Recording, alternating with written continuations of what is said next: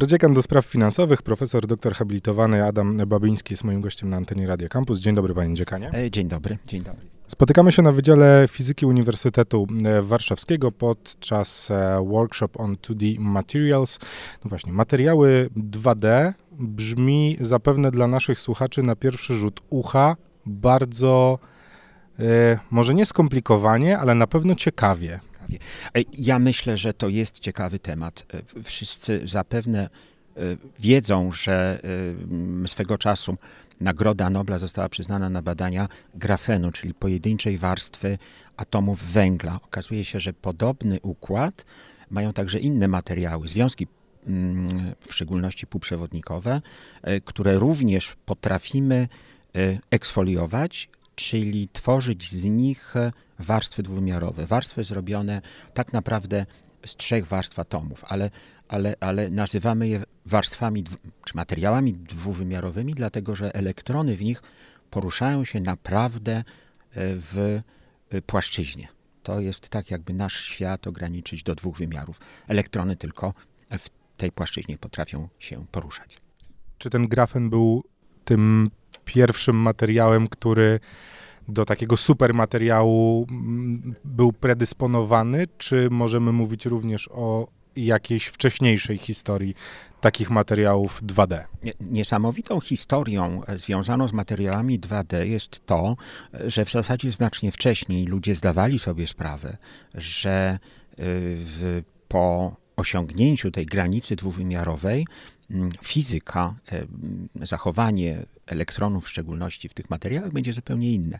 E, I to teoretycznie było badane, natomiast eksperymentalnie również byliśmy blisko, bo jeśli chodzi o materiały 2D, no to już w latach 60. ludzie nauczyli się e, zmniejszać grubość tych materiałów do paru mikronów. No, nie poszli dalej, tak jak nobliści, dlatego byli noblistami, żeby zakończyć na jednej warstwie, ale te materiały były z nami, a to, co robimy teraz, to po prostu e, wykorzystujemy umiejętności technologiczne, e, e, wykorzystujemy tą technologię, żeby dojść do pojedynczych warstw, które zachowują się w sposób, powiedziałbym, niewiarygodny, w szczególności otwierając nowe możliwości zastosowań, czy to w elektronice, czy w optoelektronice, tym się zajmują badacze na całym świecie i tym w szczególności zajmują się badacze na Uniwersytecie Warszawskim.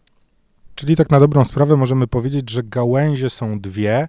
Jedna to udoskonalanie i poszukiwanie nowych materiałów, a drugą gałęzią będzie znajdywanie dla tych materiałów zastosowań. E, tak, przy czym te nowe materiały to, e, to jest rzeczywiście, tak jak pan powiedział, nieskończona przestrzeń, którą możemy się poruszać, dlatego że wyobraźmy sobie, że e, te warstwy, o których mówimy, złożone są z różnych materiałów, a potem spróbujemy je składać tak, jak składa się klocki Lego, tworząc e, takie kanapki zrobione z różnych materiałów. W ten sposób tworzymy, e, tworzymy pewne struktury, które nie istnieją w rzeczywistości w przyrodzie.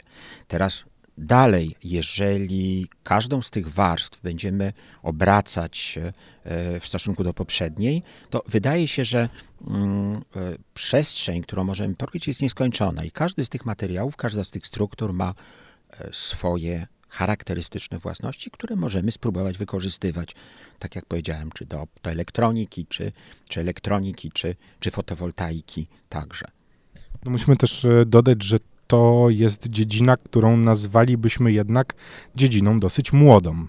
E, tak, jak najbardziej. To znaczy, no, my zajmujemy się na Uniwersytecie Warszawskim tymi materiałami, e, powiedzmy od lat e, ośmiu na świecie po Nagrodzie Nobla, to jest powiedzmy 15 lat, to jest cały czas bardzo młoda dziedzina i bardzo, i, i, i bardzo obiecująca. Cały czas odkrywamy coś nowego. No i my też zdajemy sobie sprawę, że najprawdopodobniej będzie to dziedzina związana e, z przyszłym rozwojem po prostu elektroniki, chyba po prostu wszechobecnej elektroniki, no bo wiadomo, że nie możemy patrzeć tylko i wyłącznie na to, co dzieje się w przestrzeni naszej osobistej, ale patrzeć należy o wiele, o wiele szerzej.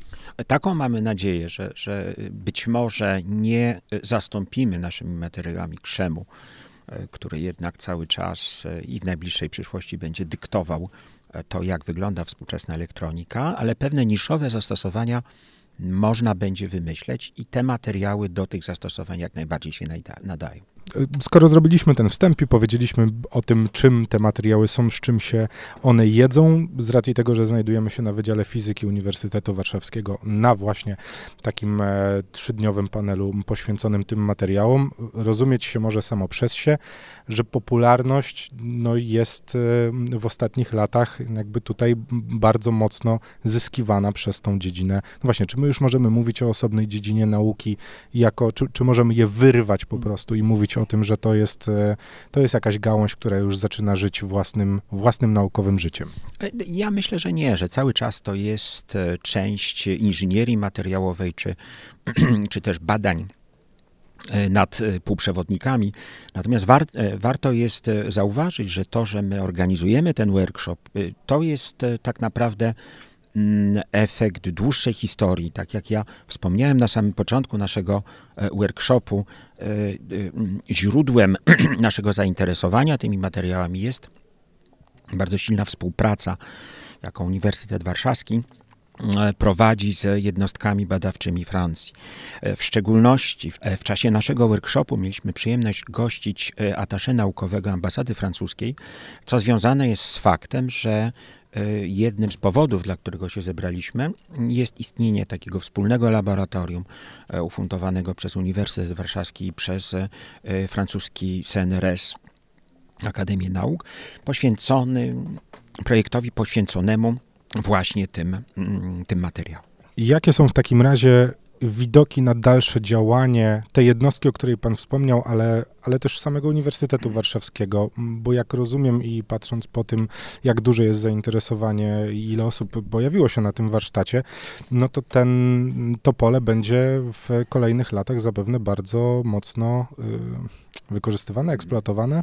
Y, tak, liczymy na to, że y, te badania y, stanowią jeden z powiedzmy kamieni e, tworzących sukces, jakim jest e, przyznanie naukom fizycznym e, kategoria plus na Uniwersytecie Warszawskim. Wydział Fizyki jest również uznany za jeden z 75 najlepszych wydziałów fizyki kształcących na całym świecie w tak zwanym szanghajskim rankingu. Zatem są to osiągnięcia, na które mam nadzieję my również mamy wpływ.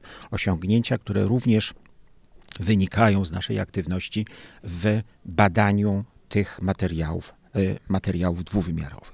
No tak, ale ja mam wrażenie, że my już nie musimy przypominać o tym, w którym miejscu w nauce światowej Wydział Fizyki Uniwersytetu Warszawskiego się znajduje, bo mamy świadomość tego, że fizycy kształceni, kształceni na tym wydziale oraz ludzie, którzy tutaj pracują, no, znajdują się w ścisłej światowej czołówce.